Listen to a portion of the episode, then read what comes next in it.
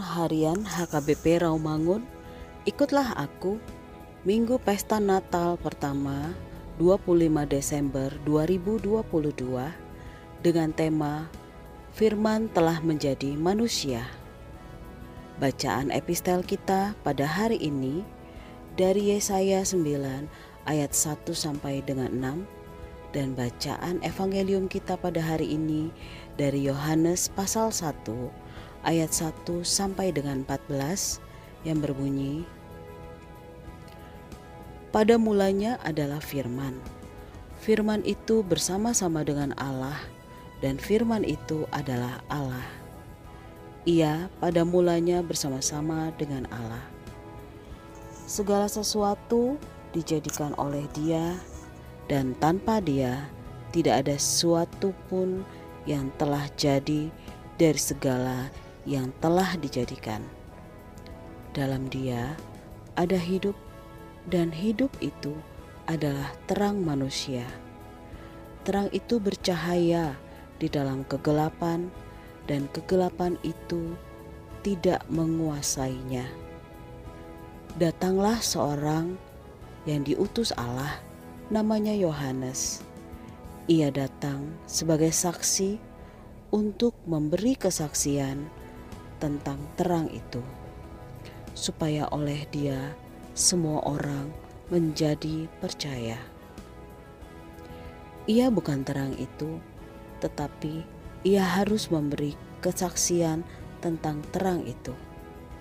Terang yang sesungguhnya yang menerangi setiap orang sedang datang ke dalam dunia. Ia telah ada di dalam dunia dan dunia dijadikan olehnya, tetapi dunia tidak mengenalnya. Ia datang kepada milik kepunyaannya, tetapi orang-orang kepunyaannya itu tidak menerimanya.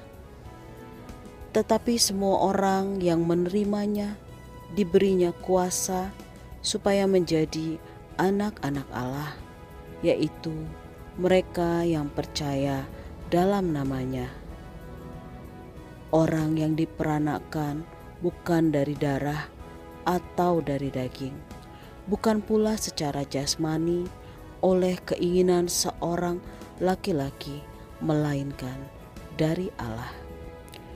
Firman itu telah menjadi manusia dan diam di antara kita, dan kita telah melihat kemuliaannya, yaitu kemuliaan yang diberikan kepadanya sebagai anak tunggal Bapa penuh kasih karunia dan kebenaran. Demikian firman Tuhan.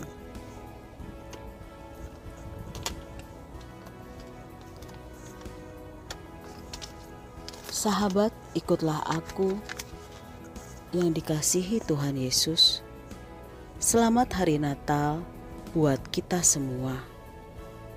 Renungan Natal hari ini dari kitab Injil Yohanes memberitakan bahwa Tuhan Yesus telah bersama-sama dengan Allah sejak pada mulanya. Kemudian firman Allah yang kekal itu turun ke bumi mengambil rupa manusia. Firman menjadi daging. Allah melibatkan dirinya sendiri secara langsung menjadi keselamatan pada manusia melalui firman Allah yang menjadi daging atau manusia dan tinggal bersama manusia dalam bentuk diri manusia. Ungkapan firman bersama-sama dengan Allah selalu didahului dengan ungkapan khas seperti pada penciptaan di dalam kitab Kejadian, yakni pada mulanya. Hal ini memberi pemahaman yang kuat bahwa Injil Yohanes sedang membawa pembacanya kepada tradisi penciptaan dengan firman ilahi oleh Allah sekaligus menjawab tantangan rasionalitas pikiran Yunani yang meragukan keilahian Yesus dengan menganggapnya tidak berasal dari kekakalan dan Tuhan Yesus terpisah dari Allah. Penegasan ini sangat penting untuk memberikan kepastian atau semacam dasar kepercayaan kepada Tuhan Yesus adalah Mesias dan Anak Allah yang memiliki kemuliaan ilahi. Kemuliaan Yesus telah nyata ketika Firman telah menjadi manusia, di mana Tuhan Yesus yang telah diberikan oleh Allah dengan demikian apa yang telah dilaku kemuliaan Tuhan Yesus memberikan jaminan kepada kita dalam kemuliaannya.